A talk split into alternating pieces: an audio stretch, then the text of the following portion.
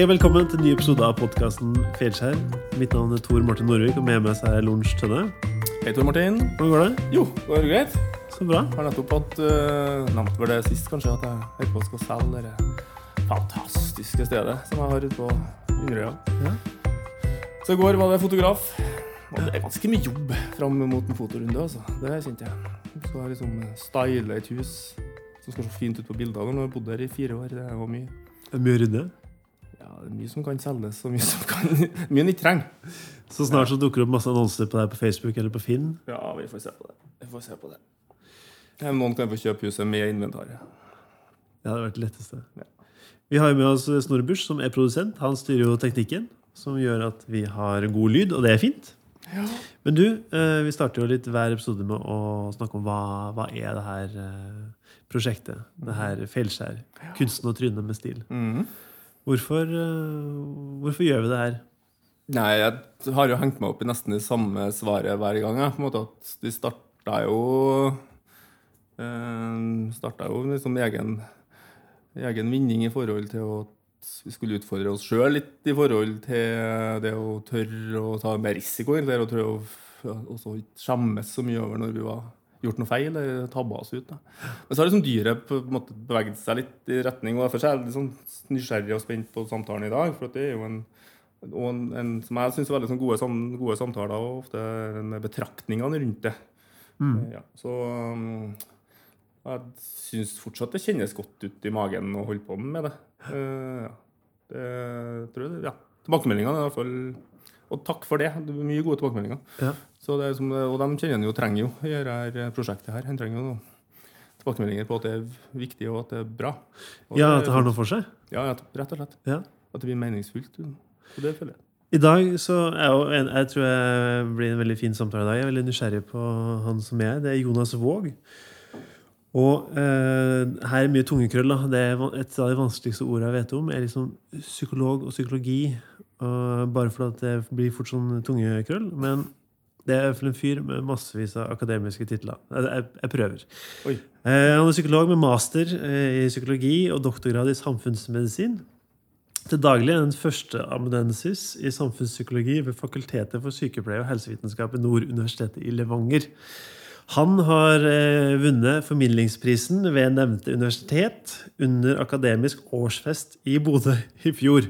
Og det er fordi han har vist utmerka engasjement innenfor forskningsformidling, fremragende formidlingsevne og evnen til å inspirere andre. Så det eh, hvis du går inn på bloggen hans eller ikke bloggen, det er kanskje mer nettsiden hans. Der står det og det å få psykologi til folket. altså Jobbe med eh, formidlinga, så at folk skjønner egentlig hva det er snakk om. Eh, I 2019 så starta han eh, psykologibloggen som et sånn Skrivekollektiv for psykologifaglige utøvere. Og i 2013 så starta han podkasten Psykologlunsj. Og eh, ja, han har en fortid som mange andre, tror jeg, eh, med mange timer foran en datamaskin hvor han har spilt Doom og Quake på gutterommet. Riktig. Og så fikk jeg høre nylig at han, kom opp, han har vært bodd på Steinkjer en del år òg. Og, det- og så må jeg jo si da, at eh, han som tips, her var jo et tips fra en som heter Ottar. Som jeg, Ottar Næss, som jeg syns er en helt fantastisk fin fyr. Så jeg håper han kan komme hit og prate en dag òg. Og tipse om det, da, ja, det var kvalitetssikra. Han skrev at han er en fantastisk fin fyr. Så jeg gleder meg til det. Ja, det her blir blir bra. gøy. Spennende. Skal vi sette i gang? Sett i gang. Velkommen til oss, eh, Jonas. Jo, takk for det. Du, eh, Utrolig hyggelig at du ville ta deg tid til å ta en prat. Har en fin postkast, jeg må jo være med på det. Ja, men Så hyggelig. Hvordan, hvordan går det? Jo, det går egentlig ganske greit. Ja. Jeg er fornøyd nå da, med at jeg ikke står på treningsfeltet og trener ungene mine. For eh, mens vi holder den podkasten her, så er det noen andre som må ta seg av det. Og det regner masse ut nå, så det er fantastisk. Du slapp den vakta her, var så greit. Jeg gjorde det, Og så dreit jeg meg ut sist gang òg. Det er jo litt med en psykolog liksom, som skal trene unger i fotball. Eh, Og så var hele Malvik da, og så på akkurat den treninga her tydeligvis. For det skulle jo være en, en eller annen cup etterpå. Eh, og da, jeg tror den treninga hvor jeg har hatt minst kontroll på 19 unger eh, som sprang i alle retninger, og hvor jeg skulle være så pedagogisk som mulig, da. Men hvor jeg til slutt da sier at hvis dere ikke slutter å kødde, så avslutter vi treninga her og nå, og så slutter jeg som trener. Ja, det, det høres ut som starten på sketsj. Altså, hvor mange psykologer trengs det for å trene Unger for Malvik. Men er du Ja, eh, hvordan, hvordan går du frem eh, pedagogisk da? Blir du, blir du gæren? Blir, har, har du, er, du like, er du mer tålmodig du enn enn oss andre dødelige, eller har du noe har du altså, liker jo, jeg er blitt, øh, altså, folk forventer jo at jeg skal være det, eh, men jeg hevder jo at jeg ikke er det. altså. Eh, strikken min er like kort som alle all andres. Ja, Så du kan true det også? Ja, Men jeg er god til å etterrasjonalisere. da, sånn at I etterkant så kan jeg forklare, komme med en psykologisk teori for hvorfor jeg reagerte på den måten jeg gjorde. Samling i garderoben. Det jeg egentlig mente. Ja, men Så fint. For de som eh, ikke kjenner til uh, hvem du er og hva du holder på med, vil du bare kort liksom gi en sånn liten innføring i Hva holder du på med, egentlig? Og Jo, eh, jeg, til vanlig så jobber jeg som, både som underviser og forsker på, både på NTNU og på Nord, egentlig. Men på Nord, da, hvor jeg jobber mest, så, så underviser jeg for sykepleiere. Eller dem som skal bli sykepleiere i framtida. Eh, Hva underviser du da? Eh, Da underviser jeg i psykologi og, og mental helse, eller eh, hva, hvilke, altså, hva er- innebærer det å ha en psykisk lidelse, og hva, hva kan være med å forebygge det? Hva kan være ting som er lurt å gjøre da, for at man ikke havner i, eh, ja, i uføre eller en dårlig situasjon. Men eh, det jeg kanskje engasjerer meg mest i, er jo liksom å formidle psykologifaget på en grei måte. da. Så jeg er kanskje en som jobber like mye når eh, For på jobb så prater jeg i ett sett med alle som er på jobb. Og så jobber jeg mest på kveldstid etter at ungene har lagt seg. Ja. Så, det, så jeg jobber i det skjulte på et vis eh, når det begynner å nærme seg natt. Ja. Men hva er det som gjorde at du fikk den prisen for formidling? da? Hva er det At han prata med alle på jobb. Han prater hele tida. uh, nei, eh, jeg har engasjert meg masse i å prøve å tilgjengeliggjøre psykologien for folket. Da. Det, det, for uh, ti år siden så var det egentlig ikke veldig mye i eh, um, formidling, altså sånn tekst om psykologi på en måte som ikke var enten veldig faglig, eller som var type i et, et eller annet dameblad om, eh, som handla mer om at alt er normalt, eller, eller at uh, du må bare ta mer vare på deg sjøl. I mel- midtsjiktet der uh, så finnes det også veldig mye interessant psykologi som det går an å diskutere. Mye sånn det som vi da kaller normal psykologi. altså måten vi driver og, og knoter det til for oss sjøl eh, hverdagslig, og hvor, hvor vanlig det er for folk generelt. Ja. Og det merka jeg jo når jeg begynte å formidle, da, så prøvde jeg å være veldig faglig sånn i starten. Men dess mer jeg forklarte hvordan jeg har påvirka meg sjøl, eller hvordan det påvirka familien min eller dem jeg kjente, eh, dess mer klarte folk å relatere seg til det. Eh, Og det har liksom vært det prosjektet videre. Og sammen med to andre som er veldig gode kollegaer, som, eh, som også liker det å snakke om psykologi til folk. Da. Ja. Dem, dem du har psykologilunsjpodkast med det. Ja. Da tror jeg det er viktig, jeg tror det er viktig for at altså, I samme perioden her nå så har det jo fra at det var veldig sånn lukka altså Den sannheten om psykologi var sånn lukka og faglig. Så, endte så dukka det opp alle her forumene og alle her nettplassene tvert i Google, så er det erfaringsbasert. da. Så det mellomsjiktet der tror jeg er enormt viktig i disse dager. Også. Ja, Det- sant. Og nå, nå er det jo en diskusjon om kanskje psykologiserer vi for mye. da. Er sånn at vi eh, altså et hvert, Enhver utfordring prøver vi å finne tankemessige eh, knote, altså eh, form for eh, forviklinger som gjør at vi gjør sånn som vi gjør, eller er det f.eks. ting som sosial ulikhet? Er det det som er med å påvirke at folk opplever mer psykisk helseproblem, f.eks.? Det, er, åh, det kjenner jeg engasjerer meg veldig mye. For at, ja, det er sånn flåsete sagt, kanskje, men så lenge vi utdanner, altså, så lenge vi utdanner psykologer, så kommer vi også til å sette diagnoser. Og det, det er ingen som kommer til å si at nå er jeg fylt. Nå er alle, mm. all diagnosert. Så det er sånn um, umettelig. Så det må liksom gjøres noe så Den debatten der i faget, det er jaggu meg viktig. Ja. Ja, så Uten psykologer så hadde alle vært friske? Ja, men vi, Det, er, nei, det kan jo Jonas si, si noe om, men det, du må ha noe, men, men, du, ja, men at du har en, at du tar og setter diagnoser for å få finne noe svar hele tida. Ja. Og, det, vi- og, det, og på et tidspunkt så vi lærte opp til det, så må debatten komme på eh, hvor mange diagnoser skal vi, skal vi ha, og hvordan skal vi håndtere dem, og ikke minst det med diagnos, diagnosering. Da. Nå, men at vi er kanskje for dårlige til å se på der det er skjæringspunkt mellom flere eventuelle diagnoser. Du blir veldig satt i den diagnosen og behandla derifra. Ja.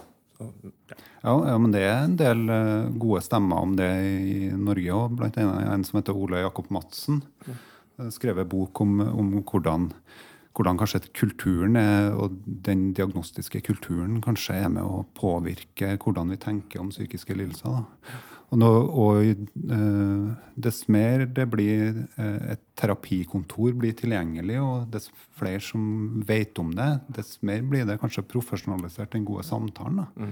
Sånn som i samtalene dere her er i Feilskjær. Eh, man begynner å tenke at det skal inn på terapikontoret. Hvis jeg har det sånn som jeg har det, eller hvis jeg har gått på en smell. Da. Det er jo ikke nødvendigvis sånn. Eh, tidligere så brukte man andre eh, personer som man følte seg trygg på, som man gikk til og snakka med. Ofte har jeg tenkt, når jeg har sittet sjøl som behandler, så har jeg tenkt at eh, det du kommer og snakker med meg nå, er, eh, må jeg jo ta på alvor når, mens vi sitter her, og prøve å gi deg eh, og prøve, og Vi må prøve å nøste opp i det sammen. Men hadde du hatt en trygg venn, en trygg person som du også kunne åpna deg opp til, så kanskje hadde det skapt endring raskere hos deg. Og da er vi inne på jeg at, Men jeg tenkte mye på det siste at så vi er så heldige å bo i en verdens beste land og verdens rikeste land osv. Så, vi skal jo egentlig ikke slite. Altså Vi skal ikke dette gjennom sånn den dobbeltbelastningen da, på at en det er at du får det dårlig, men skammen over å ha fått det dårlig tror jeg kan bli sterk da, i et sånn type samfunn. Verdens vakreste og beste samfunn. Og, det, da, og da Skammen, og ergo kanskje derfor vi ikke snakker med venner. For at det, det så skammen over å ha slitt er blitt så sterk. For du skal jo ikke gjøre det i landet her. Ja. Vi har jo et prosjekt her som heter For feilskjær. Ja. Og det er jo egentlig det er jo et slags terapirom, egentlig. Jeg syns du sa det ganske fint. Vi, vi, det vi ønsker, er jo på en måte å bygge en åpenhetskultur rundt at eh, det er fryktelig mange De fleste han har på et eller annet tidspunkt gått på trynet. Og kanskje du ikke kan le av det akkurat idet du reiser deg opp. Så har du muligheten til å kunne le av det i etterkant og bare se om du finner noen læring i det. Hva, eh, hva tenker du om her begrepet feilskjær? Hva, legger du i det? Jeg, først og fremst så liker jeg jo at man kaller det feilskjær. Sånn at eh, for dem som gjør et feilskjær på, eh, på eh, skøytebanen, de fortsetter jo gjerne også. sant? Eh, eller reiser seg opp da fra at de har tryna i vantet. Eller. Eh, så da normalgjør man eh, det at man faktisk kan gå på en trøkk og komme seg i gang igjen. Eh, og så tror jeg nok at veldig, veldig mange har opplevd å gå på feilskjær. Og så er det hvordan vi håndterer det i etterkant. Eh, eh, der tror jeg nok man kjenner seg igjen med at noen feilskjær fester seg i hodet. og som blir med og påminner en igjen og igjen og igjen. Gjerne når man har gått på kanskje et nytt feilskjær, så legger det seg, legger det seg som tusenvis av ulike feilskjær som man hopper tankemessig fram og tilbake til enn den gangen da du gjorde det og det, eller den der gangen da du gikk på den og den smellen. Uh, og den, eh, den måten man har den indre stemmen, da, uh, som driver og korrigerer ut ifra at man ikke skal gjøre feilskjær igjen, uh, det, det er man nødt til å på en måte ha en annen holdning til. da. Sånn som f.eks. å åpne seg om. Det er en måte å gjøre det på. Standup-komikere er jo utrolig gode på å egentlig ta opp feilskjær sjøl. Jeg tror at mange standup-komikere bruker sine egne feilskjær. Og så sier de det til folket som sitter ute i salen, og så flirer folk simultant. Og når folk flirer, så er det jo fordi at de kjenner seg igjen. Ja. Eh, og det er det som er så fint med standup. At standup egentlig er en måte å, å normalisere eh, feilskjær som forskjellige folk har gått på, eller tanker som man ikke helst vil vedkjenne seg. Ja, det er sant, ja. Og Sigrid bekrefta jo Sigrid Bonde Tusvik bekreftet jo egentlig Uten feilskjær så har jeg ikke noe materiale. på en måte. Eh, ja. Så hun bekrefta jo akkurat det du sier der. Ja, hun gikk jo på trynet hele tida. Mm. Måtte det for å ha, for å ha, ha, ha materiale å snakke om.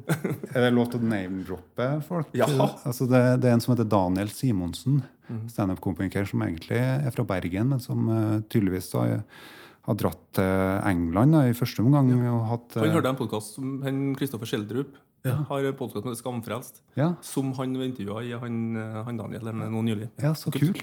Ja, for, for han, det han snakker om, er liksom sånn social awkwardness, eller Yes. eh, altså sånn pinlige øyeblikk, da. Og han snakker, snakker f.eks. om eh, altså, Kjenner dere til det at man eh, har gjort noe en gang i livet, så, så kommer det å hjemsøker deg i ti år i etterkant. sant? Og så gjennom at han deler det med resten, og resten sitter og flirer, så, så kjenner jo folk seg igjen. Og han hevder jo at eh, det er bare altså dem som ikke har den stemmen i hodet, dem, dem er på kokain. Resten, er, resten, resten, resten har han. Yes. Eh, og, det, og det er så fint. Jeg bruker, den, eh, bruker det klippet med han. Uh, søk opp Daniel Simonsen på YouTube. Se hele det klippet. Eh, eh, det bruker jeg i undervisning når jeg snakker om sosial fobi, f.eks. Det, er et, eh, det er et godt eksempel på hvordan sosial fobi fungerer eh, hos dem som eh, plages med det. Ja. Din, det som er så gøy med ditt perspektiv i dag, er at um, Jeg spurte jeg på mail eh, hva er det du kunne tenkt deg å prate om i forbindelse med feilskjær. Og da begynte du å skrive om at det er jo en del psykologiske fenomen som er knytta til det. Altså hva er det som skjer i et feilskjær? Eh, hvordan er folk til å erkjenne det? Og hvordan er folk til å faktisk eh, hvis noen går på trynet, eller hvis du ser, hvis du klarer å forutse at nå går det skeis, så klarer du ikke å stoppe det, fordi at du har allerede liksom putta altfor mange egg da, i kurven som gjør at du klarer ikke å stoppe eller snu det her skutta. Vi kan jo starte med det. Mm. For du har skrevet et engelsk ord som heter for concord fallacy. Ja. Hva, hva er det for noe? Jo, det er egentlig en eh, Det heter egentlig Fenomenet tror jeg heter sunk cost fallacy nå, men eh, det, man kaller det concord Policy fordi at det har tilknytta det at man eh, at den franske og engelske staten eh, la inn masse penger i utviklingen av Concorde. da. Det her eh, høyhastighetsflyet som skulle gå fra Europa til USA på kortest mulig tid. Eh, Det er en fin eh, faktisk dokumentar om det på enten HBO eller Netflix. så Jeg anbefaler folk å se den nå. Eh, ideen, altså eh, her er et fenomen som man har forska på eh, i psykologien. og Det handler egentlig om at når vi, når vi gjør en innsats i å prøve noe nytt, altså en ny innovasjon, eh, eh, så sliter vi med å vite når vi skal slutte med det det som etter hvert viser seg å være et feilskjær. Vi er- erkjenner ikke at det er et feilskjær. For ideen er egentlig så god. Og det legges så mye innsats og tid i det eh, etter hvert at tida, du begynner å ta tida inn i perspektivet for om du skal slutte med det eller ikke.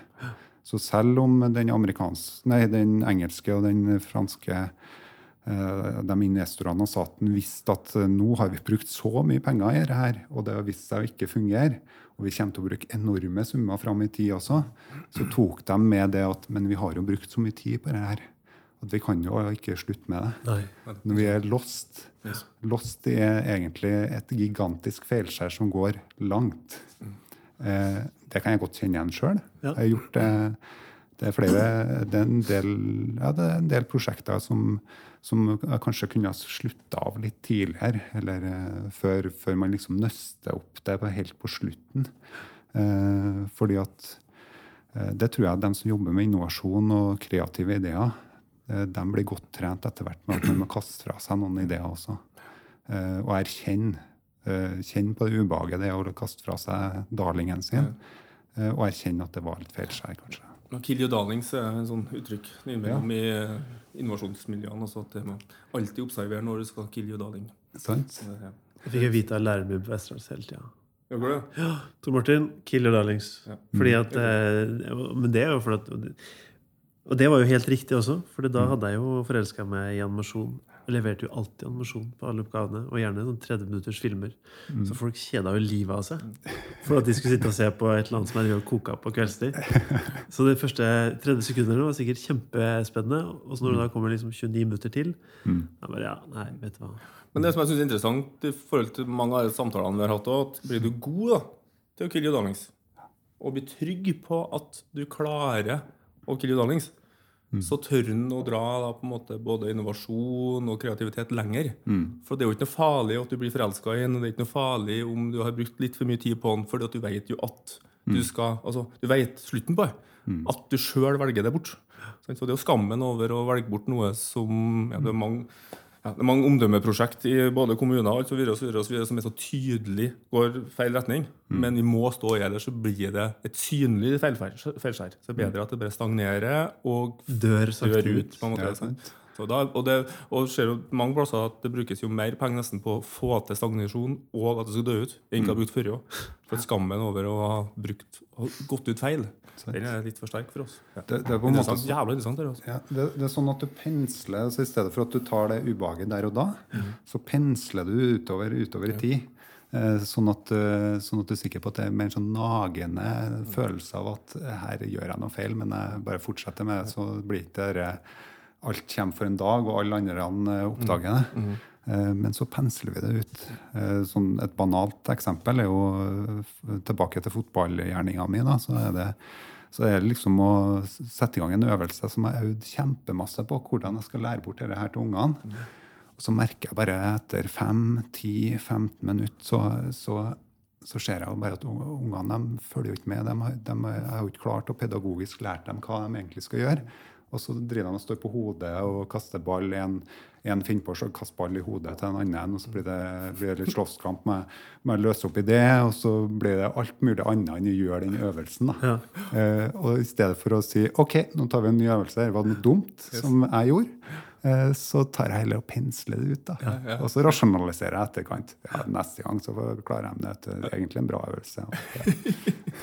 Men hvor, eh, hvorfor Sånn som den uh, eksempelet med Concorde. Det er jo flere der som da bestemmer seg for at ok, vi skal pensle det til lang, lang tid. Hvorfor eh, er, hvorfor er den gru, gruppementaliteten så sterk, da, eller så svak, da, at uh, det er ingen som sier at du skal ikke bare kutte det her og finne på noe nytt nå? Å, det er jo et artig fenomen, det da, på et vis. Det er jo, eh, der er jo kanskje litt sånn bystander-effekten som kommer inn i bildet. da. At det liksom ikke er en som tar ansvar og sier sånn Hør her, dette kan ikke vi holde på med. Eller så er det kanskje sånn at det er en utafor gruppa som kommer. Hør her, dette kan dere ikke holde på med. Men så er inngruppeeffekten så stor. altså at de som er i den gruppa som tror på prosjektet, de de, de har blokka ut det meste av eh, korrigerende element. Da. De blir så opphengt i det de holder på med sjøl. Og litt interessant, det kan jo skje i organisasjoner kanskje, hvor, hvor eh, organisasjonene blir så sterke, og kanskje den gruppa som holder på med en bestemt type virksomhet, har så trua på den virksomheten at når man kommer utafra og så sier 'hør her, dette kan du ikke holde på med lenger', så rokker det ved hele grunnfjellet. Derfor fortsetter man med det. Nå er det jo interessant, nå er det jo flere som snakker om f.eks. at vi holder på med mye ting i arbeidslivet som er, som er bullshit. Da. En ny type altså en, Det er jo en, eh, en bok som heter 'Bullshit Jobs'. som er skrevet av en som heter Graeber. Uh, og nå har en, noen danske forfattere også skrevet noe som heter 'Meningsløst arbeidsliv'. Eh, og her er tanken om at uh, ved at eh, veldig mye av det vi holder på med, digitaliseres, og, og maskiner kan ta mye av arbeidet vårt, så er vi nødt til å finne opp nye jobber. Og i det at vi finner opp nye jobber, eh, så eh, blir det en del arbeidsoppgaver som kanskje er unødvendig. Ja. Eh, og det, det er ganske mange artige kronikker sånn om akkurat dette her. Men det er jo selvfølgelig ingen som vil vedkjenne seg med at man har en unødvendig jobb. I hvert fall ikke jeg som forsker på mitt spesielle felt. Det er jo kjempegøy. Hva er det han som passer på printeren i tilfelle den skulle slå seg av? Sant. Sant. Jeg, jeg ble jo for eksempel, eh, jeg sendte reiseregning her eh, for noen år tilbake. Eh, Og så fikk jeg be, beskjed om at jeg måtte spesifisere hvilket Scandic-hotell jeg hadde bodd på i Namsos.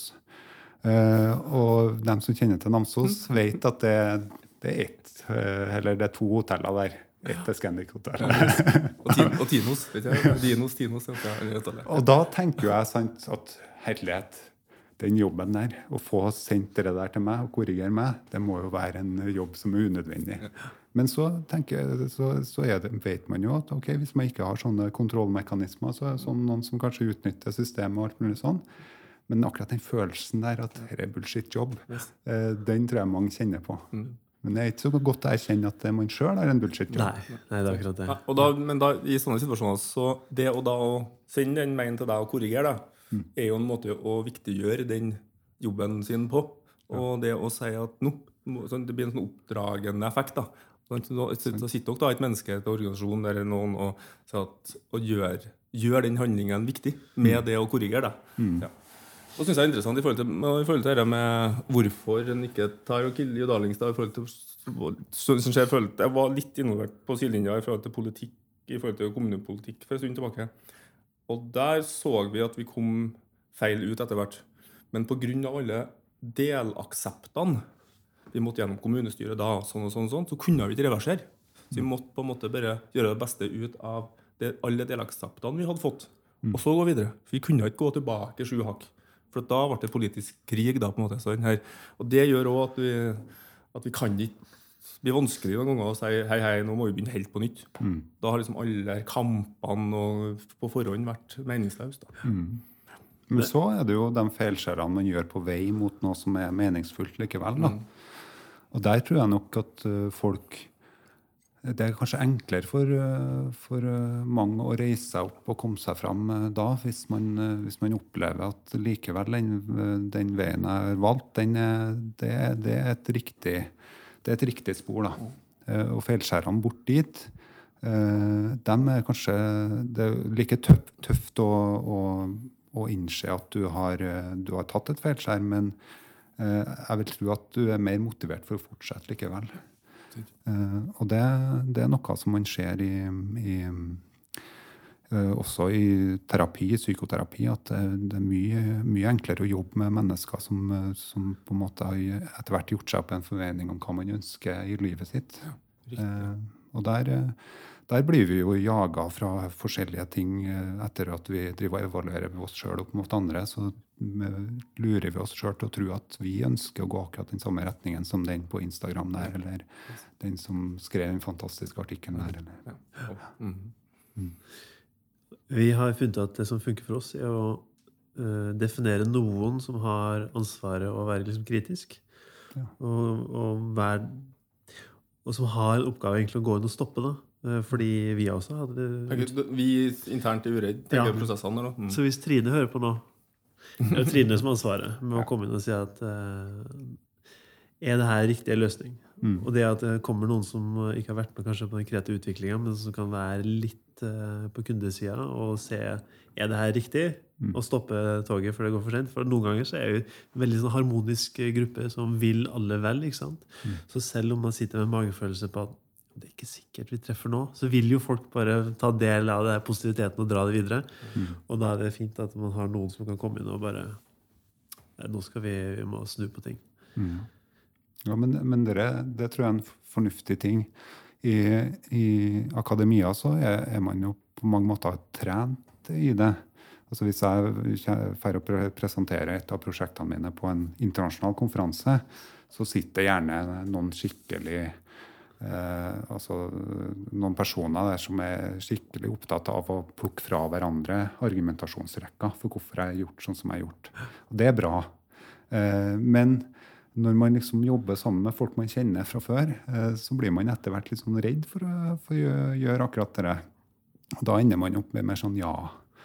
Altså det blir ja til alt, på et vis. Ja. Og da må man begynne å, i hvert fall opplever jeg det, at eh, du må begynne å liksom søke sjøl etter om ja, ok, er folk virkelig så engasjert i det her. Og det merker du jo gjerne når du har kommet med en idé, og så er det ingen som tar tak i den etter at den, det er du sjøl som må liksom være drivkraften for den. Eh, Du skriver også om det med kognitiv dissonans og etterrasjonalisering. Og eh, kognitiv dissonans er et ord som egentlig nettopp har lært meg. Ja. Og det er egentlig i forhold til klima. Eh, at man eh, skaper sin egen virkelighet. Da. Eh, fordi at du leser hvor jævlig det går, og så ser du hva vi egentlig burde ha gjort, og så ser du hva du selv gjør, og så ser du at du er ikke i stand til å gjøre det du egentlig burde ha gjort. Og så lager du en virkelighet som du kan leve i og ha det greit likevel. Da. Og så har jeg skjønt at det er kanskje kognitiv distansen at eh, Det er liksom som Matrix, på en måte. Ja. Du, du, du, du lurer deg litt, da. Ja. Og, og her, i forhold til med det med feilskjær, så skriver du at det er noen som sminker litt på virkeligheten. Du må kanskje ikke definere feilskjær som feilskjær, men at de spinner opp andre historier rundt det. da. Hva, hva tenker du om det?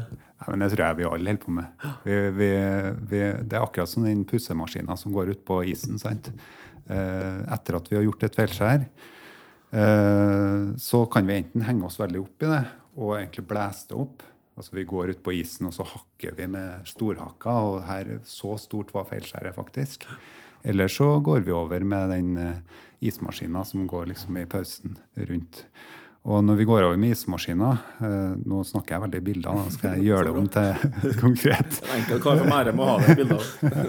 Eh, Det vi gjør da, er jo egentlig at vi, må, vi må gjennom å håndtere det ubehaget vi kjenner inni oss sjøl, med at vi gjorde noe som egentlig ikke stemte overens med det vi ønska oss, som vi snakka om her, da, eh, så, så må vi da, for å håndtere det ubehaget inni oss sjøl, så må vi tankemessig finne en eller annen finurlig teori eller løsning på hvorfor vi gjorde sånn som vi gjorde.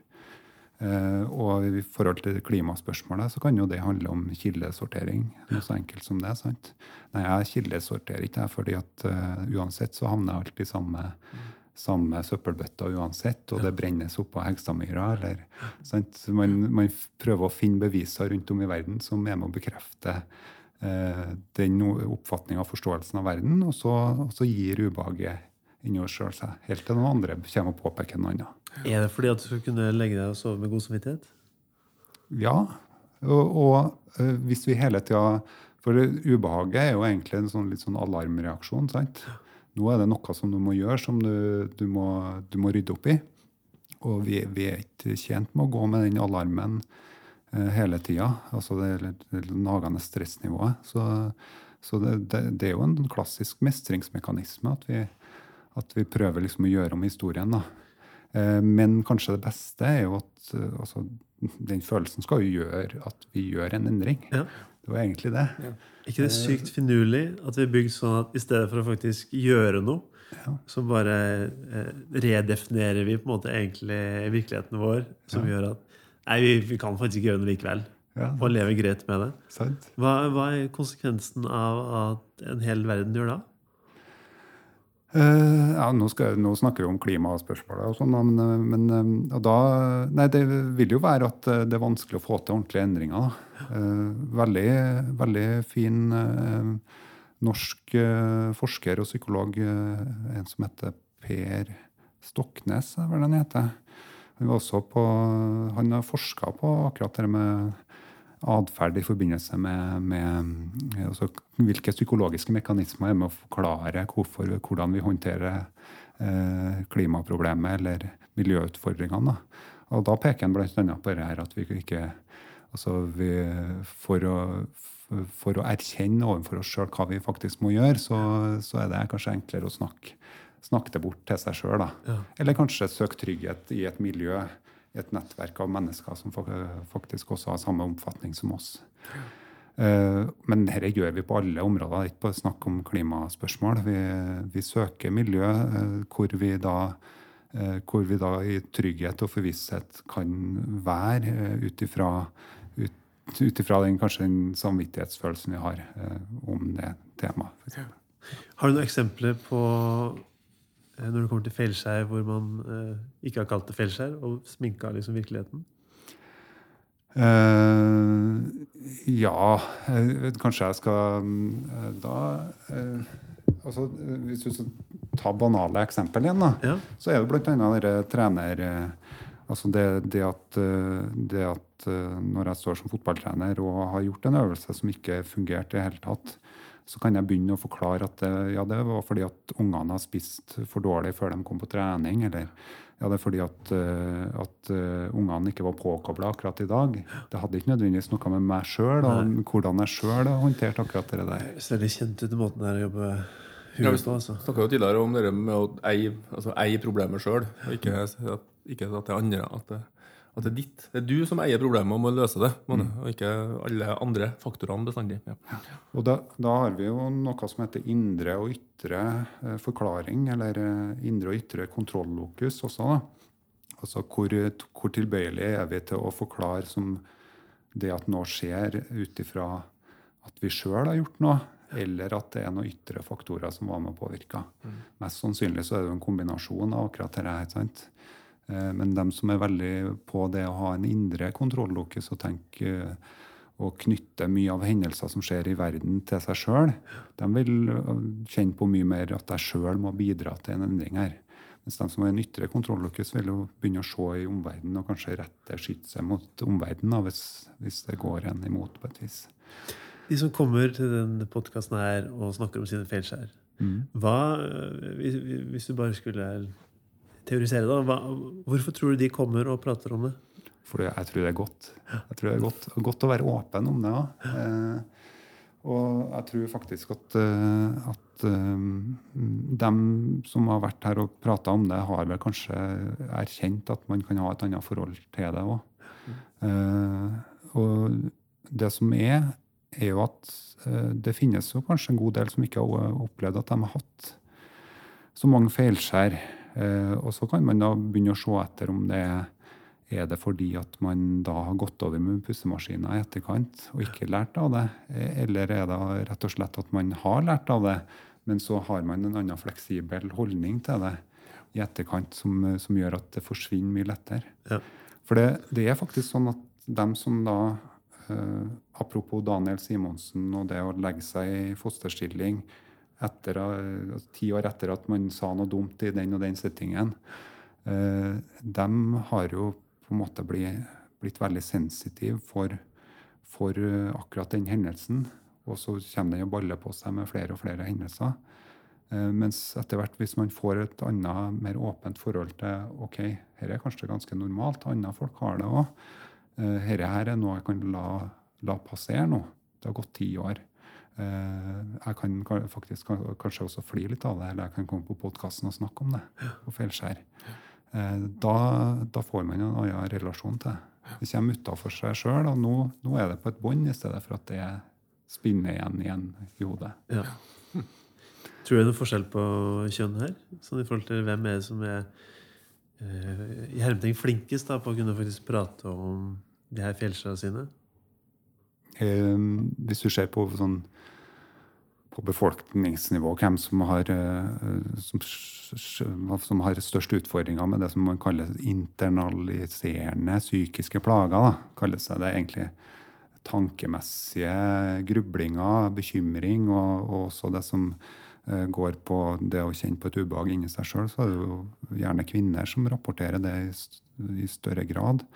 Men kanskje også de tenderer også å være flinkere til å dele det med omverdenen. Eh, Men det kan jo hende at, eh, at menn har en annen måte å forholde seg til akkurat det der på. At det kanskje deles på en annen måte og brukes mer humor knytta til det òg. Ja, så de er, Du vil ikke si at de er liksom flinkere til å sminke virkeligheten? Ja, jo, kanskje. Vet ikke. Jeg, jeg, jeg, jeg har funnet ut at jeg altså sånn, eh, Det er veldig interessant med forskjellene mellom kvinner og menn, og, og sånn, men, men samtidig også, så, så er vi så variert eh, etter hvert. Det har skjedd en ganske stor utvikling eh, bare de senere årene på, på hvor nær og, og åpen menn kan være, og hvor, og hvor Ja. litt sånn mer sånn i hermetegn eh, nøktern og rasjonell kvinner kan være. da. ja. Største forskjellen ser du kanskje på generasjoner i stedet. Ja. At, eh, Det er, ganske fascinerende. Ja, Veldig fascinerende. jeg opplever det at eh, alle har blitt flinkere til å liksom åpne seg opp. At det ligger en eller annen endring der også. Vi har mulighet til å faktisk prate hvordan du har det. Men så har du også de som eh, profitterer på da, at det er liksom nesten businessmodellen deres å faktisk prate om følelser. Og det kan være i overkant ja, men det er jo ikke heldigvis ikke flest av de. Mm. Og så er det jo litt hvordan man prater om følelser. sant? hvis man prater om følelser på en sånn måte at det skal være veldig utrygt at det kommer opp, og det er en kjempelettelse at man, at man åpner seg, eh, så er det bra kanskje den første gangen, den lettelsesfølelsen der. Men så skal det jo etter hvert være såpass greit å håndtere de vonde følelsene at det ikke trenger å komme til det punkt at det igjen skal være et kjempestort hinder før, før det først kommer. Eh, så, det, så de som klarer å tilpasse seg på en grei måte, de klarer jo kanskje også å være mye mer åpen om, om de, eh, de, eh, små enten feilskjærene eller tingene man plages med i hverdagen. Da. Enten i form av å erkjenne sjøl, eller i form av å være åpen ved jo forskjellige sammenskudd sånn personlighetsmessig òg, Noen er jo mer taletrengt, og noen er mer at man løser det inni. Ja. ja, ikke sant? Og videre skriver du i, i den mailen på en liste over mm. eh, psykologisk fenomen Det er menneskets generelle tendens til å unngå både indre og ytre ubehag. Ja. Eh, og så skriver du at atferdspsykologene kaller dette unnvikelse av opplevelse. Mens eh, nok et eh, vanskelig ord som jeg egentlig aldri har hørt om før, psykodynamikerne mm. kaller det for affektfobi. Eh, bare kjapt, psykodynamiker, hva, hva er det for noe? Eh, det er, egentlig det er en terapiretning eller en, eh, en retning innenfor psykologien som egentlig har litt sånn tilbake det, det historisk kan ses tilbake til, til psykoanalysen og en videreføring av det. Så den Freud egentlig starta med, men hvor tradisjonen har blitt mye mer opptatt av eh, hvordan man håndterer nære relasjoner, og hvordan man håndterer følelser inni seg sjøl. Ja. Uh, mens atferdsterapeutene er litt mer opptatt av hvordan kan vi gjøre korrigeringer, eller hvordan kan vi hjelpe til at vedkommende klarer å etablere et nytt atferdsmønster. da, på et vis. Men så, det som er interessant i psykoterapien, er at veldig mange psykoterapeutiske retninger så når du kommer på psykologikontoret nå, så er det ofte mye likt i måten man håndterer ulike psykiske plager på. Uh, og der, uh, i forbindelse med feilskjær, så kunne jeg godt tenkt meg altså, å liksom trekke fram at altså mye uh, av det å oppleve et feilskjær og, og, og, hvor mye det har innvirkning på det, har litt å gjøre med Nå ble stemmen min veldig rar. Det har litt å gjøre med, med hvordan, hvordan, man håndterer etterkant. Noen klarer å kjenne på det ubehaget i etterkant at, at OK, nå, nå, nå dukka opp et feilskjær som jeg gjerne kunne tenkt meg å gjort noe med. Eh, de er ikke nødvendigvis så De unnviker ikke det indre ubehaget. Så de prøver ikke å korrigere på det med en gang, men jeg kjenner at OK, dette var, var kanskje dumt. Eh, vi prøver noe annet. Mens uh, en atferdspsykolog ville ha kalt det unnvikelse av opplevelse. Altså egentlig at vi mennesker har en tendens til å unnvike ubehag. Uh, uansett om det er ubehagelige hendelser som skjer rundt oss. F.eks.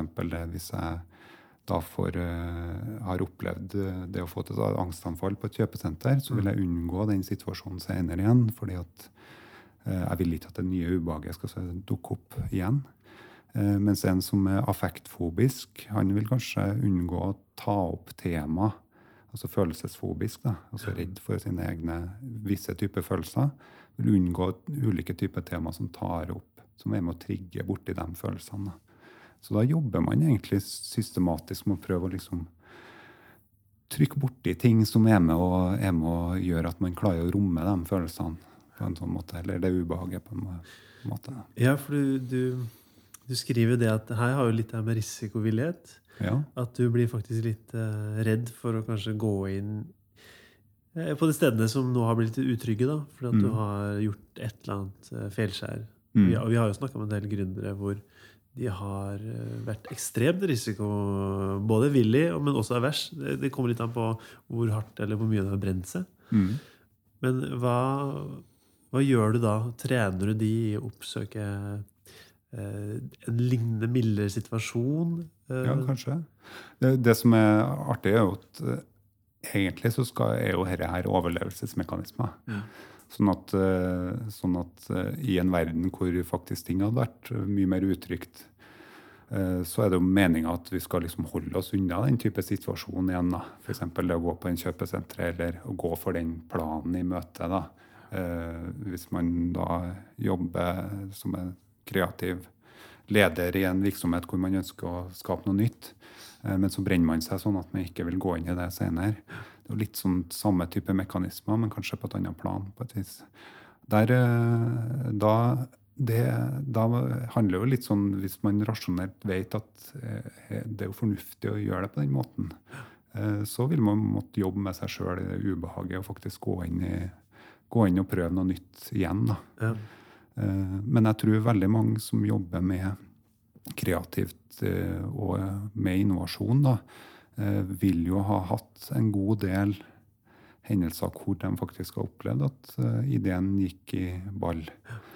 Eh, og da har de også fått trent det ubehaget. Og hvis man ikke har hatt det ubehaget, eh, så kan det jo hende at, eh, at man skaper mye ubehag hos dem rundt seg.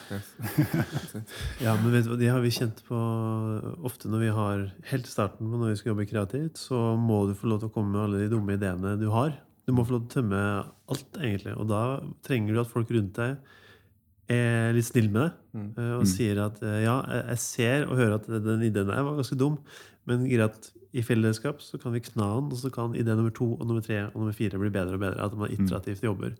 Og Da er det så viktig at du er i et sted, et, et miljø hvor du har rom for det. Mm. For så fort noen peker på deg og bare ler på din mm. første idé, da blir du stille. Mm. Og det er også giftig når du skal jobbe kreativt. Så det Uh, og det har jeg kjent på selv, hvis noen uh, reagerer bare sånn instinktivt på Herregud, det er jo teit. Nå må du komme noe mer seriøst. Mm.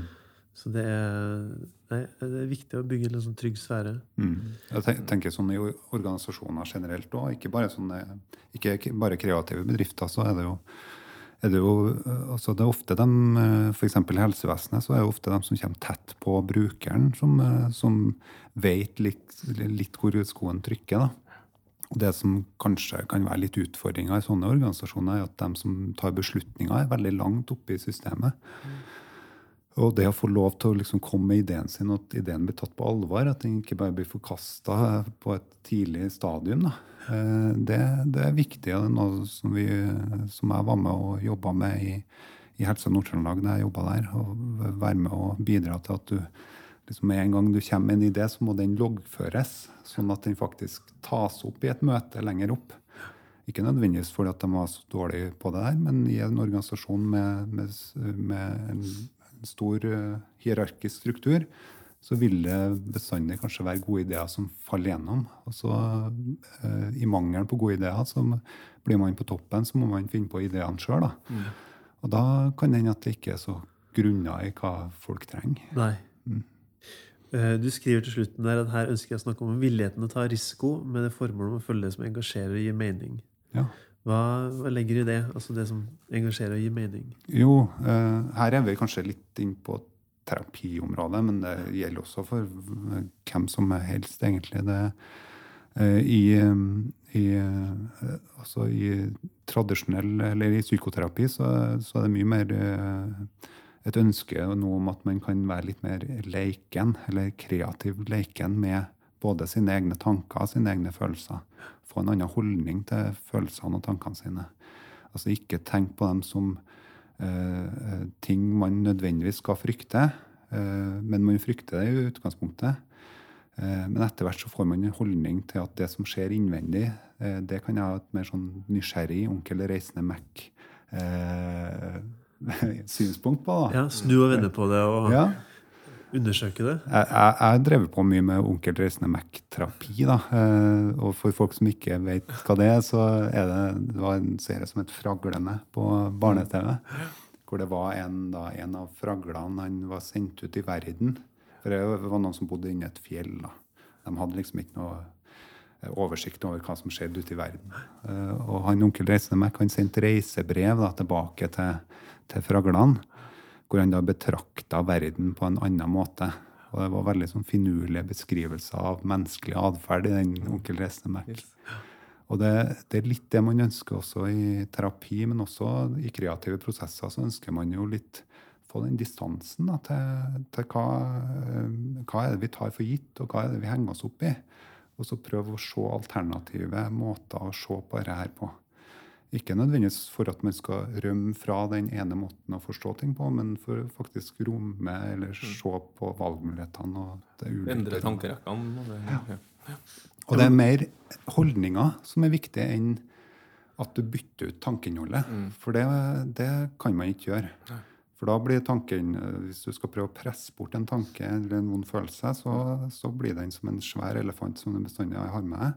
Hvis du da klarer å få en annen holdning til det, sånn som den onkel Reisemekk-holdninga, så blir det annerledes. Eller en standup-komikers holdning. eller ja. Har du, har du noen triks på hvordan du har liksom forholdt deg til dine feilskjær på en litt sånn onkel? Det, ja, det har jeg. Jeg, jeg, har faktisk altså, Grunnen til at jeg trekker fram han Daniel Simonsen, er jo at, at jeg godt kan kjenne igjen at jeg i lang lang tid i etterkant av sånn, noen sånne hendelser på ungdomsskolen eh, og videregående som har liksom blitt med og definert meg som person da, i voksenlivet. Sånn, som f.eks. hvis jeg da har eh, dritt meg ut på jobb. eh, jeg er jo ganske distré av type. Da, så, jeg, så i starten eller jeg kan, jeg kan finne på å møte opp på jobb med, med genseren på ranga og, og, og at uh, uten belte og buksa liksom på halv tolv. Uh, og da uh, I starten så var jeg veldig sånn selv, altså, veldig selvbevisst. da, altså at du, du er veldig fokusert på hvordan du sjøl framstår. Og da, da er det gjerne sånn at samtidig som man er selvbevisst, så dukker det også opp andre hendelser i livet som skal være med å påbevise om noe. Det er viktig å være selvbevisst der. Husker du ikke den gangen da du gikk bort til hun jenta på Sebrasenteret på Steinkjer, og så sa du har du lyst til å være med og finne på noe? Og hun bare snudde seg og sa du, du er en gjøk. Sånne kleine awkward moments sant, som bare fester seg og er med i, er med i sinnet. Eh, men når du da finner ut at OK, hvis du klarer å ha en distanse, hva, hva er det som egentlig gjentagende historier? Hvilken biografi er det jeg egentlig går gjennom hele tida oppi hodet mitt? For å eh, ikke være redd for å, nei, for å, fordi at jeg må passe på at jeg ikke framstår eh, annerledes enn andre. Da, når man får en annen holdning til det, en litt sånn onkel reisende Mac-holdning til det, og begynner å åpne seg om det, og så si til folk at eh, vet du, det, det som skjedde den gangen, eh, det er noe som går igjen på repeat i hodet mitt. da. Og, og det kjenner veldig mange folk igjen. altså. De har det på akkurat samme måten. Ja. Og gjennom at man får åpne seg om det, sånn som, jeg, eh, sånn som dere, det prosjektet deres handler om, da, eh, så blir det så, så forsvinner det på et eller annet rart hvis det er der. Sånn eh, som en liten eh, parentes, men, eh, men det forsvinner. Ja, men det er sant, det. Hvis man tenker tilbake, det er et par minner som bare er, er stuck. Altså. Og da er det gjerne ikke de positive. Da er det de her kleine øyeblikkene hvor Jeg husker en gang hvor jeg skulle gi eh, ei jente fra Frosta en rose. og hun bare så dum på meg og bare 'Hva skal jeg med den rosen her? Den skal jeg vil ikke ha den. og da bare ok. For da, jeg var ganske ung, jeg var kanskje 13-14 år. Men da hadde jeg, da hadde jeg uh, sikkert sett nok av Opera eller et eller annet annet dårlig på TV og skjønt at man skal gi roser. da. Ja. Men uh, hun var ikke interessert i å ta imot den rosa. Jeg husker på jeg spurte spurt ei jente på ungdomsskolen om hun ville være med meg på kino. Og hun sa ja til det og var kjempefornøyd. Sant? Stolt over at jeg hadde, at jeg hadde eh, utfordra den voldsomme selvkorreksen for å faktisk gjøre det. Eh, og så Det første ordet hun sa, eller første hun sa da vi møttes da, når vi skulle gjøre det på kino Du må ikke tro at vi kan bli sammen. Sånn. Eh, og da var jeg jo med på hele kinoen. Satt der, snakka på hele veien tilbake. Sant? Og så, ja, ja, det er fint at vi kan være venner. Sant? Det er liksom Concord Policy alt sammen. Egentlig skulle jeg bare sagt OK, eh, da er vi kanskje eh, Da kan vi jo liksom kutte av det awkward momentet her. Eh, Men hele greia ble en sånn lang awkward moment. da. Det er det kjentes fryktelig kjent ut å stå i det. Har du noen gode minner, Lorge? Nei, jeg har en sånn husker, jeg har to egentlig. Derfor har det ble en egen terapitime for meg. her, vi om nå. For jeg har, husk på, det er et sånt som hjemsøker meg, som fortsatt i tankene. Det var en sånn, Jeg var ledd inn på, som DJ i et 40-årslag en gang, og så hadde jeg glemt headsetet. Jeg på. Og hele den kvelden der Så måtte jeg prøve Jeg husker altså, jeg spilte ikke noe av musikken som de ville høre, kunne jeg jo. Så jeg visste jo faen meg aldri hva jeg satt på. For jeg hadde jo ikke fått hørt på det før. Liksom. Jeg husker på den der følelsen den kvelden der. Og det, handler ikke, og det, men det er bare at jeg husker på den følelsen av å stå i noe som er, var så kjip situasjon i så mange timer. Det er pga. lengden av kvelden, tror jeg, som gjør at den sitter fortsatt i meg. på en måte. Sånn, ja. Og så har jeg jo selvfølgelig den nydelige. Den, og det er så ordentlig hjemsøker meg. Som jeg, synes jeg er jo interessant, for at jeg var i et bryllup for ikke så lenge siden og skulle holde Takk for maten-talen. Og så fikk jeg blackout. Altså Det er første gang i mitt liv jeg ble helt, altså jeg dumma meg rett og slett ut, syns jeg. Og syns det er så flaut. Men min overlevelsesteknikk var jo det å bestemme meg for å aldri holde tale igjen. Det var liksom sånn umiddelbart. Det er sant? Men jeg syns det er fortsatt så er som jeg kan holde meg våken på natta nå pga. en tale i et bryllup til en kompis. Jeg syns det var sikkert. Men det skjønner jeg nå, nå må jeg, jeg må angripe på en annen måte. For Jeg blir ikke skremt av sånne ting til vanlig. Men det er sånne ting, den ligger der bare hele tida. Minner dukker opp på sånne rare tidspunkt. Altså. Bare Jeg ser en som ligner litt på en Christer, så begynner jeg å tenke på det. her. Helt sånn uendelig. Ganske, ja. Er det der eh, i forhold til, fordi er det en god bro ifra det han Lunch sier nå, med at Mm. han følte at han gjorde en feil i den talen, til det du sier om spotlight-effekten? ja, ja, ja. Eh, Det er jo kanskje eh, Spotlight-effekten er litt artig, for den, eh, den handler om at vi tror altså Siden vi ser verden ut ifra oss sjøl, så tror vi også at eh, vi er en ganske sånn viktig aktør i verden. da.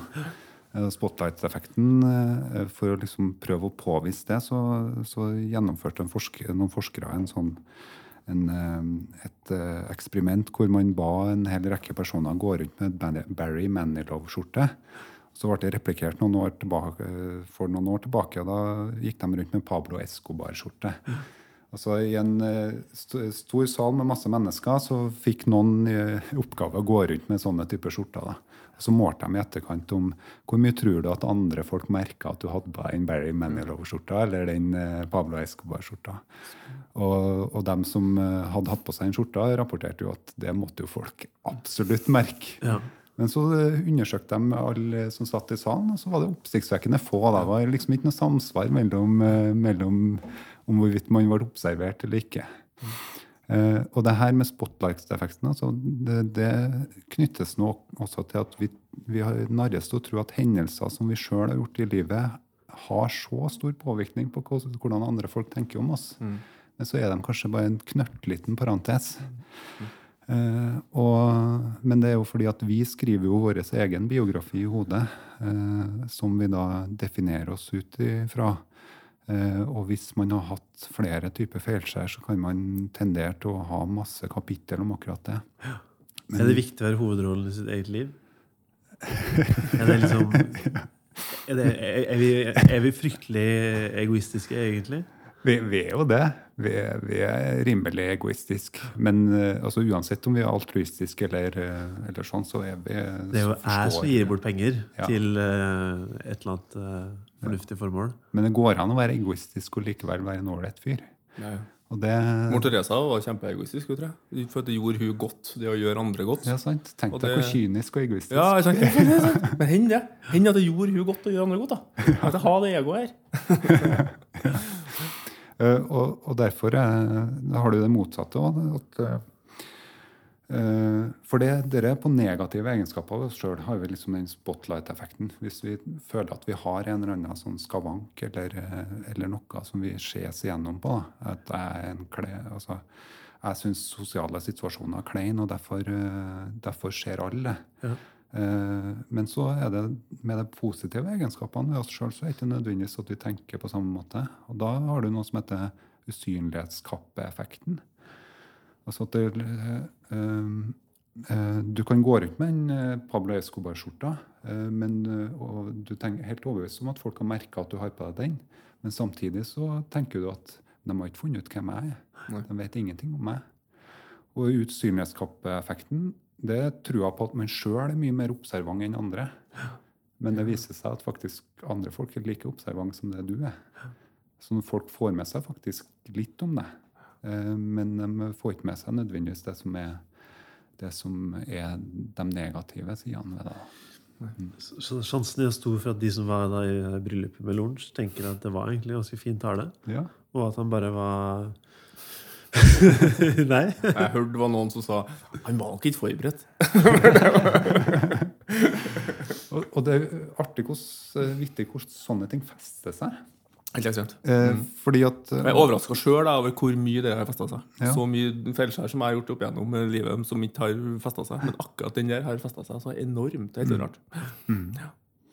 Og, og, og tanken er jo kanskje litt at, eh, at sånne spiller sånn awkward moments som fester seg, handler litt om å, å eh, Vi har jo alle godt av å være en del av en gruppe. Eh, og hvis vi ikke er del av en gruppe, så er vi litt sånn større i fare. og er jo liksom, Biologene snakker om liksom evolusjon og det som kalles eh, naturlig seleksjon og seksuell seleksjon også. At vi, vi er nødt til å ha, være gode på å ha sosiale nettverk, sånn at vi både sikrer at vi, vi får avkom, og at vi i tillegg er trygge. Da. Da, eh, så derfor er det nok en bra overlevelsesmekanisme å ha masse sånne tanker. Men det skaper trøbbel for oss hvis, det- hvis, hvis det skal liksom feste seg. Hvorfor, hvorfor eh, er det så mange mekanismer som er med på en måte og kompliserer? Hva, hva, hva, er, hva er gevinsten av å være så komplisert i negativ forstand? Hvis vi tenker på det vi har gått gjennom nå, så er det med å ikke erkjenne og ikke stoppe opp. eh, og tenke at eh, sine plager er de største i verden. Men også det å på en måte føle seg ikke sett. Mm. Hvorfor, eh, hvorfor, hvorfor er vi bygd på den måten der? Har, har du, eller har du, Det fins sikkert ikke noe fasit, men kanskje du har Nei, men det at vi unnviker ubehag, er rett og slett fordi at eh, Og at vi gjør ting veldig på automatikk, handler om eh, rett og slett mye om at vi Nå prøver vi å overleve i en verden som, som kanskje tidligere var mye mer besto mye mer av fare. Da.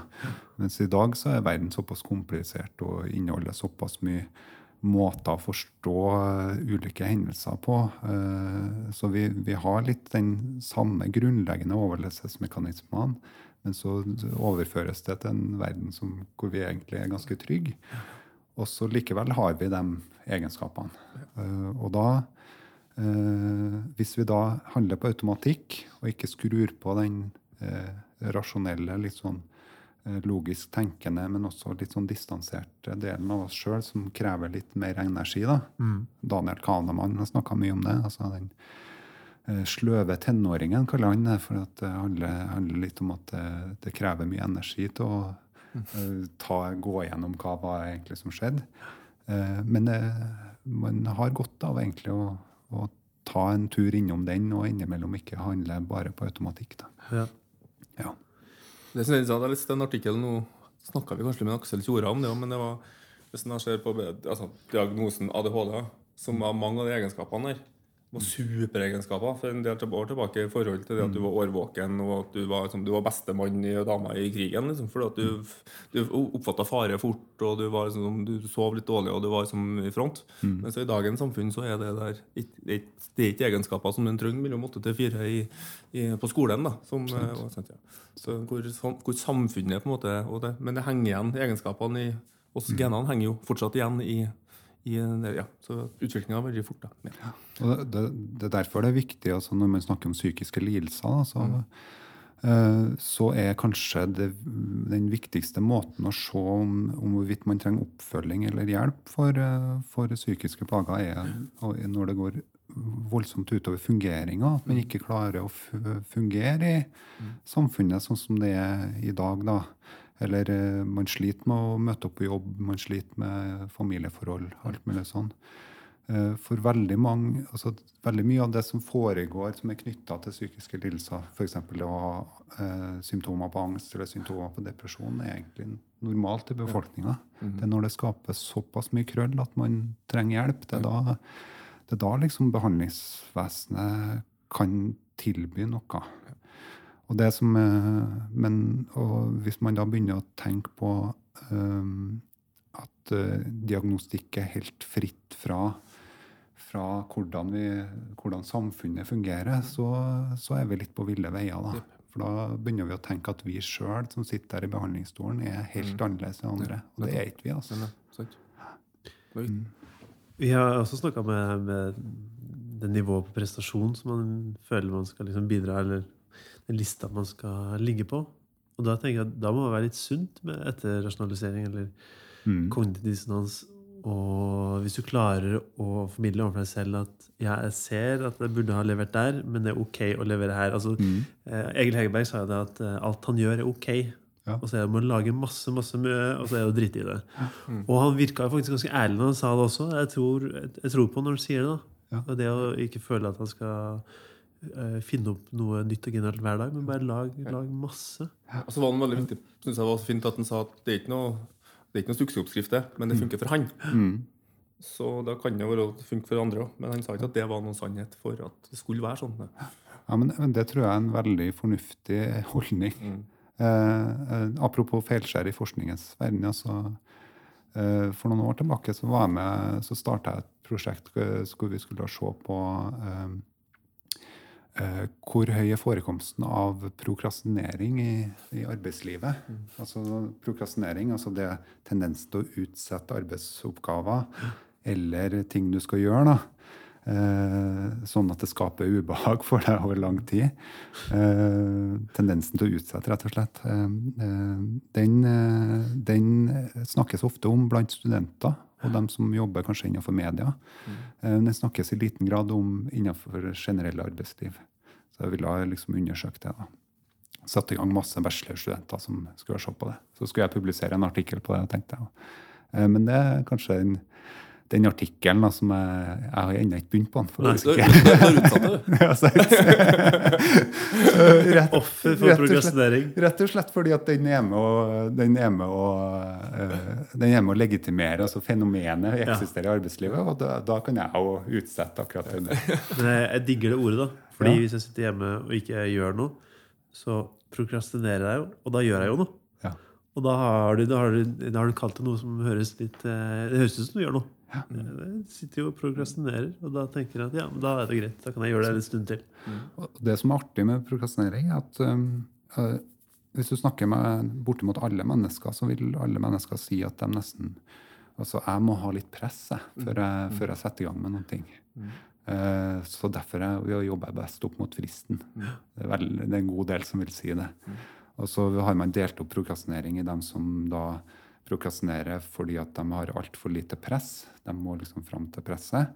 Og så er det de som prokrastinerer fordi at de er redd for arbeidsoppgaven. Altså, som har en sånn aversiv reaksjon, egentlig. Men eh, en god del forskere hevder at det ikke finnes det fenomenet der med å utsette fram til fristen. Men jeg mener jo sjøl at det, jeg har jo meg sjøl å på. Og veldig mange kjenner seg igjen i akkurat det. Ja, det, det er bekrefter at mange, altså mange, inkludert meg sjøl, ofte bruker nesten som en sånn metode.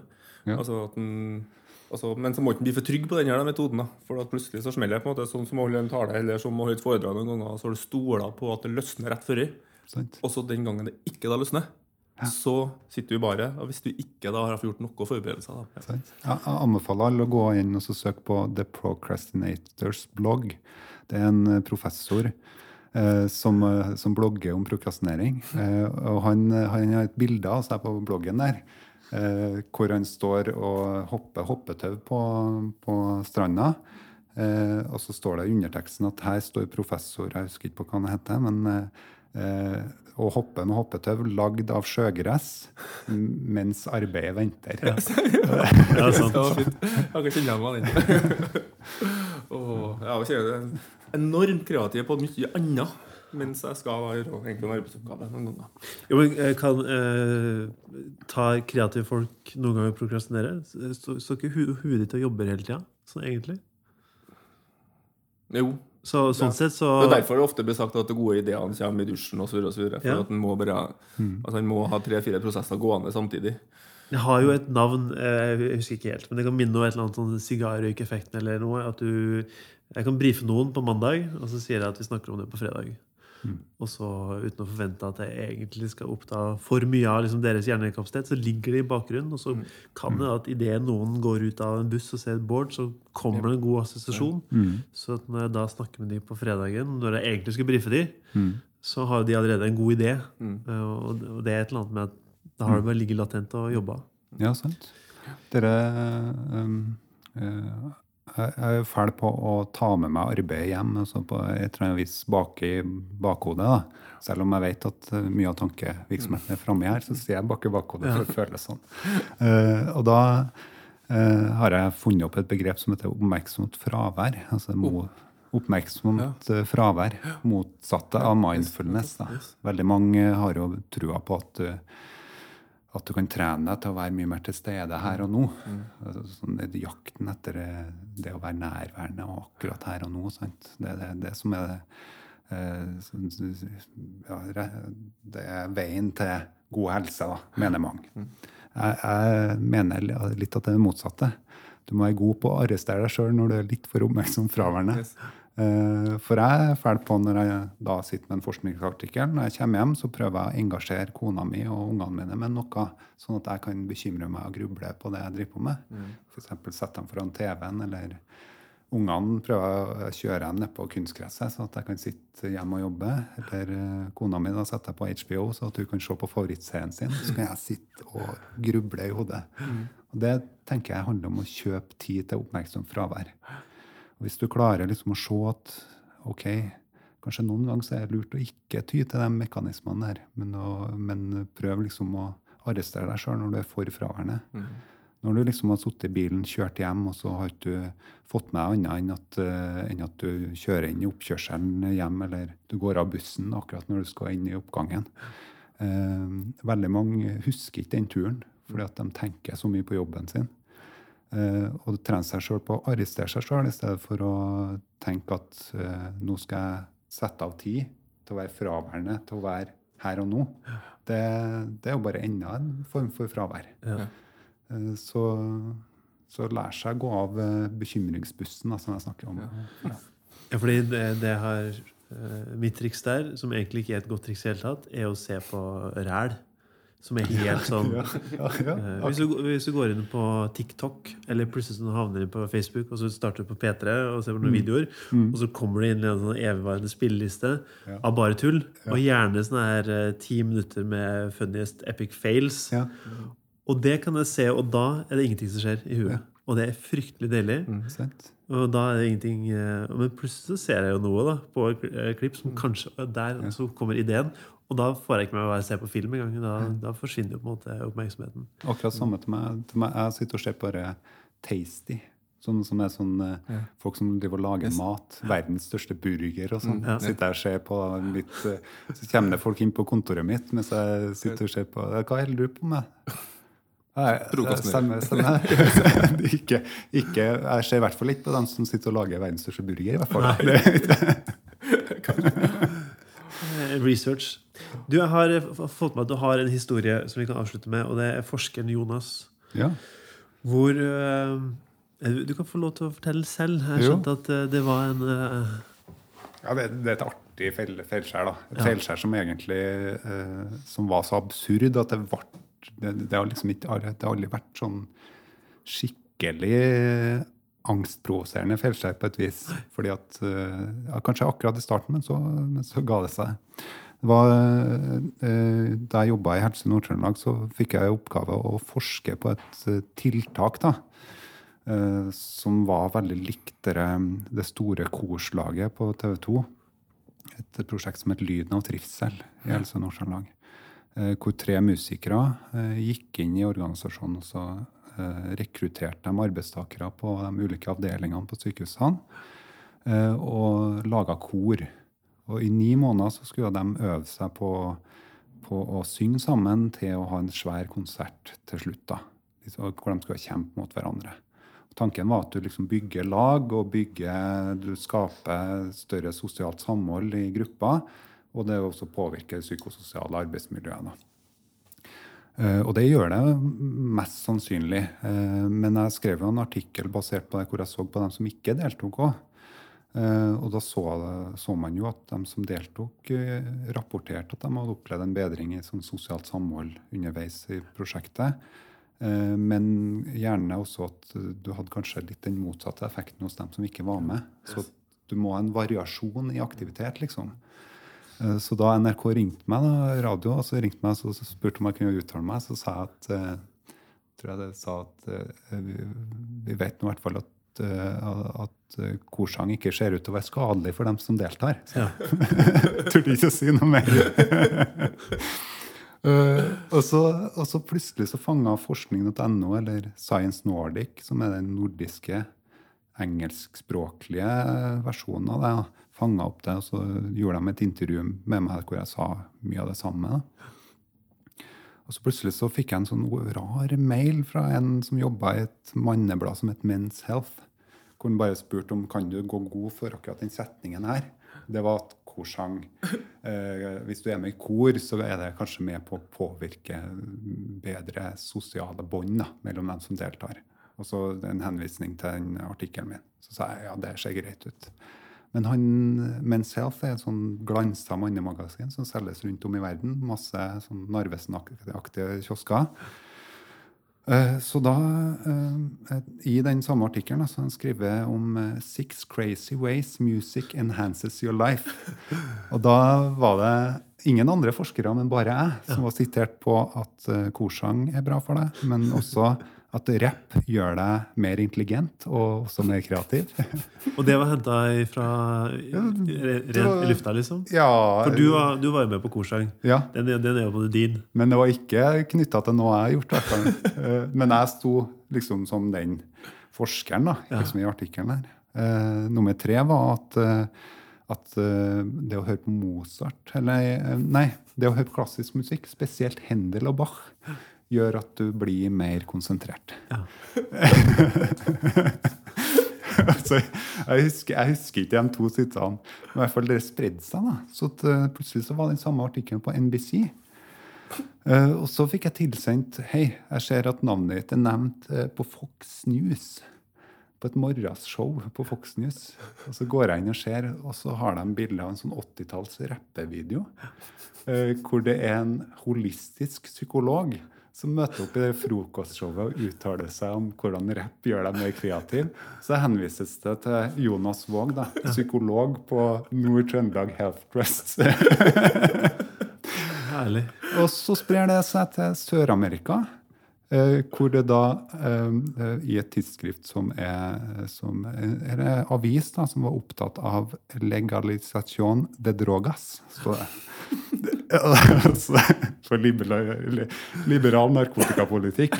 Eh, der står det også Jonas Våg har forska på Der står det på Mozart, nei, på Händel og Bach-effekten. Altså at eh, folk blir mer eh, konsentrert. da. Så det har Jonas Våg gjort der. Spredde seg plutselig til Vietnam.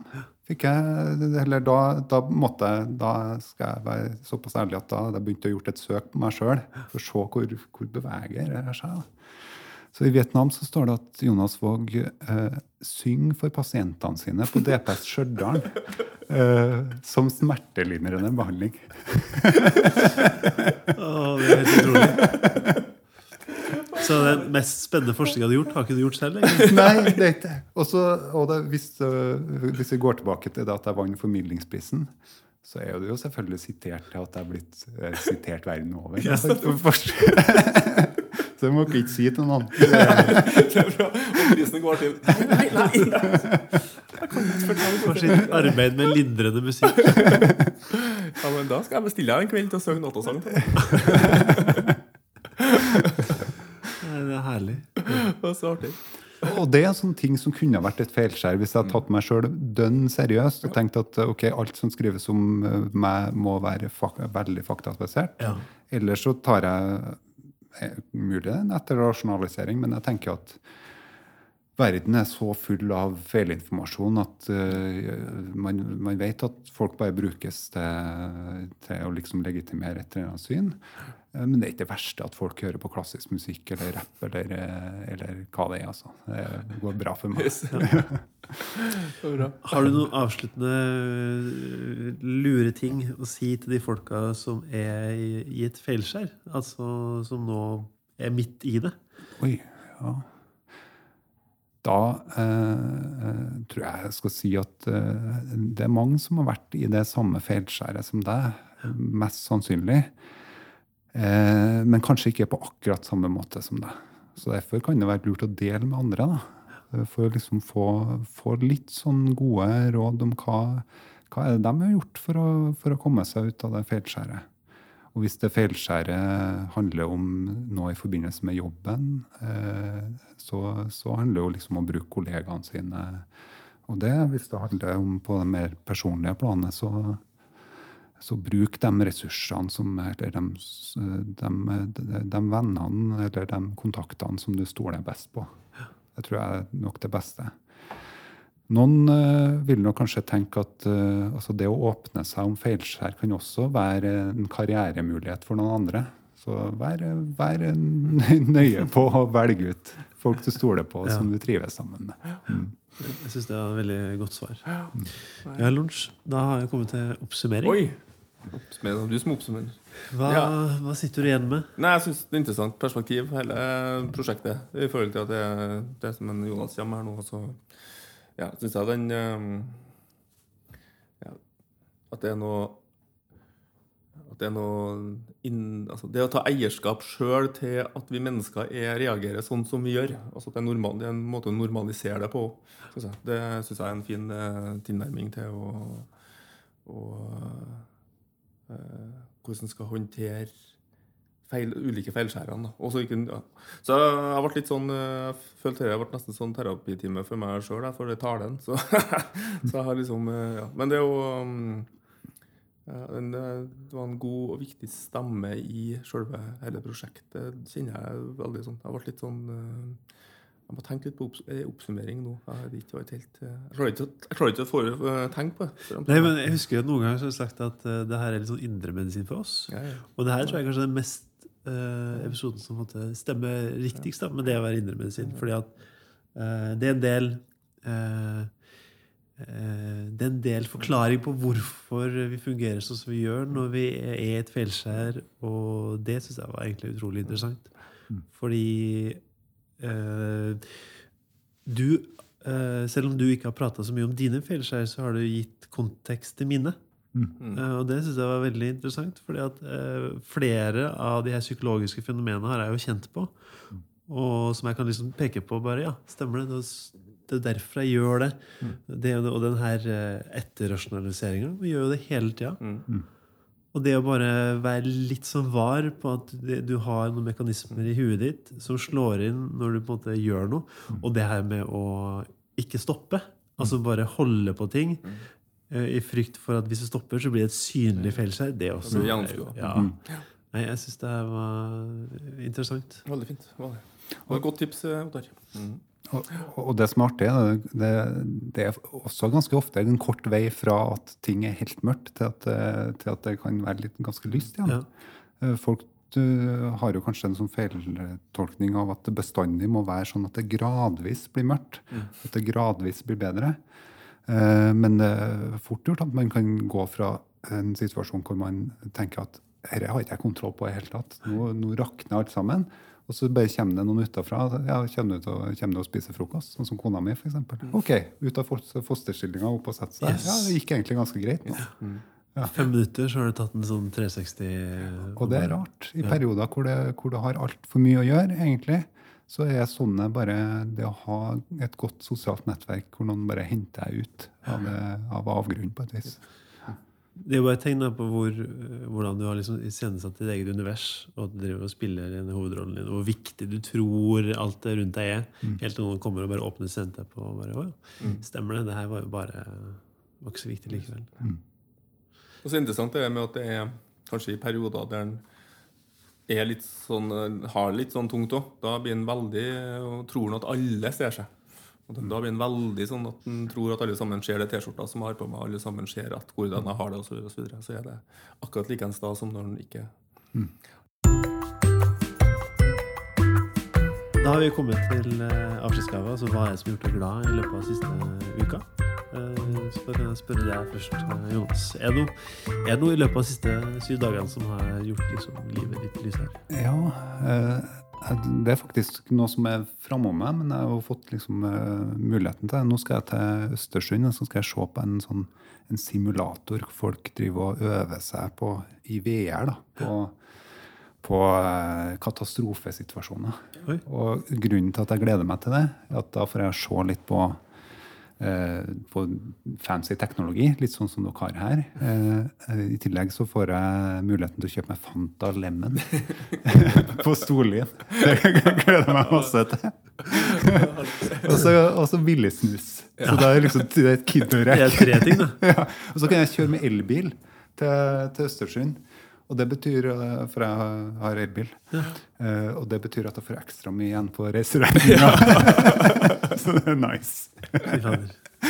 Men hvilken elbil har du, da, som kjører så langt? Uh, jeg har en Renault Zoe, så jeg må jo selvfølgelig stoppe på i Åre, altså lad. Ja. Men det er sånn fint avbrekk til Ja. å ferde innom godteri i butikken. Ja, altså har du kanskje hamstra to, da. Fanta Lemen, så kan du drikke én. ja sant? Ja. Jeg bunkra opp faktisk med to Fanta Lemon. Det høres ut som en, egentlig en veldig fin tur. Ja. du har lunsj? Du, jeg har hatt jeg, alle ryddinga, ordninga og orginga hjemme til eh, fotografering, så har jeg hatt sånn behov for å bare sette på noe som jeg kan flire av. Og da kom jeg over uh, den serien som til Linn Skåber på TV2 som heter Best før. Ja. Den var veldig gøy. Jeg syns det var veldig morsom. Så var en sånn Ja, jeg likte den veldig godt. Ja. Så den uh, vil jeg se. se den. Hun er jo utrolig kul. Hun Ja, har så utrolig bra timing på Ja, den humoren sin. Det er en av de beste i den sjangeren jeg har sett med norskprodusert. Ja. Ja.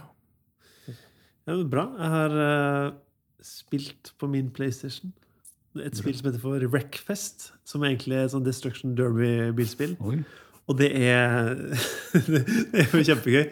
Fordi da får du en litt sånn eh, dårlig, gammel bil, og så er det egentlig det er Og gressklippere har jeg forstått òg. Oh, yes. Jeg har en sønn som var helt besatt dere biler som krasjer, som kalte det. Ja. Helt besatte. Ja, ja. Så jeg fikk en bort fra det. Men det også, Du fikk en bort fra det? jeg sitter og ser på biler som krasjer tre og et halvt år. Liksom. Han oh, ja, på YouTube, ja. på YouTube. Ja. Oh, ja. Helt besatt, det var. Ja, fordi det jeg har skjønt at det er en greie i Amerika at du har sånn eh, folk som kjører i åttetall. Og da hadde jeg alltid fra busser til uh, skurtresker til planklippere til sånn sofabiler Ja. og til vanlige, gamle europeiske biler. Og eh, det som er litt kult her, er at den skademodelleringa er ganske sånn realistisk. Så du kan jo virkelig krasje bilen din. Herlig. Og etter hvert så kan du selv fly ut av mista hjula osv. Men det er barnslig morsomt, og for noen ganger så vil jo bare krasje bilen. Med tanke på så mye kø det er i Trondheim nå. Så, har du, så trenger du å ha noe å krasje på, og da er det perfekt å bare leke seg. Da kan jeg ta et tips. da, det var, Vi har uh, lina opp alle småbilene til en Kåre. Og så har, han, han liksom, så har jeg filma med saktefunksjon på iPhone. Mm. Og så har han kjørt biler inni. Så har vi sett filmen etterpå. det. Er jo kjempegøy. Ja. Men hvis vi snakker om gaming, jeg er jo en ivrig gamer sjøl. Da, da er jo det klassiske spillet gangbeasts, Gang Beasts. Hvor du, hvor du egentlig bare er tre, tre personer, eller tre eller fire personer som driver med kongen på haugen. Omgjør og Egentlig det er bare sånne geléfigurer som driver og kaster hverandre eh, ned av en haug. da. Det er utrolig morsomt. Hvor spiller du det her nå? Eh, Nei, jeg spiller hjemme i stua. Det er Tre, tre, du kan tre eller fire. Du kan også spille over nettverk. Helt genialt. Jeg er jo fæl på å kjøpe meg spill, eh, og så havner jeg bare i bibliotekslista til ungene mine. Ja. For jeg rekker ikke å spille. Jeg ønsker jo veldig å spille masse. Men, eh, så jeg har alle all ulike konsoller. Men det er kult.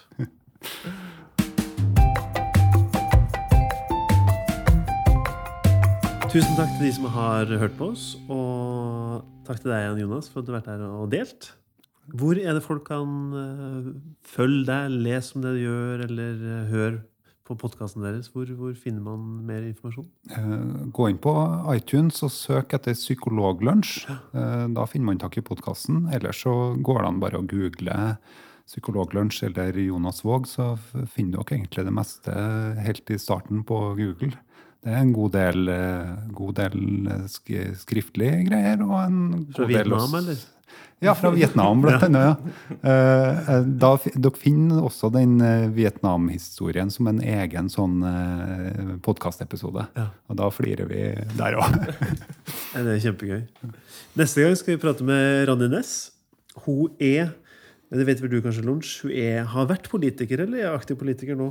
Ja, hun var politiker òg. Eh, ja, i, i, Arbeiderpartiet Ja. her i Nord-Trøndelag. Ja. Og så har jeg vært rådgiver for Jens Stoltenberg. Mm. Så hun kommer til å prate litt om Nato, hun var forsvars... jeg tror jeg var statssekretæren hans. Altså ble med en eh, Ja, hun ble med han videre, ja. videre til Nato. Så hun var personlig rådgiver hans. da. Ja, så Hun kommer til å prate både om hvordan det er å jobbe i Nato og forsvars- og sikkerhetspolitikk. Mm. Hvordan er det å være i en internasjonal organisasjon. Og så har jeg skjønt at hun har tryna ned en flytrapp en gang og landa i bena foran forsvarsministeren, tror jeg. Så det er et veldig sånn konkret lite feilskjær der. Hvis du hører på har lyst til å dele en historie med oss, eller kanskje tipse oss, så kan du ta kontakt med oss på feilskjær.urett.no, eller så kan du gå inn på Facebook-sida vår. Feilskjær. Og eh, i iTunes, gi oss gjerne en rating eller legg igjen en kommentar, for at det øker eh, synligheten til vår podkast. Og så blir det lettere å finne. Så setter vi veldig pris på egentlig å få tilbakemelding fra folk. Om de har noen tips og råd på hva vi burde eh, gjøre fremover. Om vi skal slutte. Denne podkasten her er produsert av Uredd og Lydspor Media og kommer ut hver mandag. Så ha en fin dag, og takk for oss. Ha det.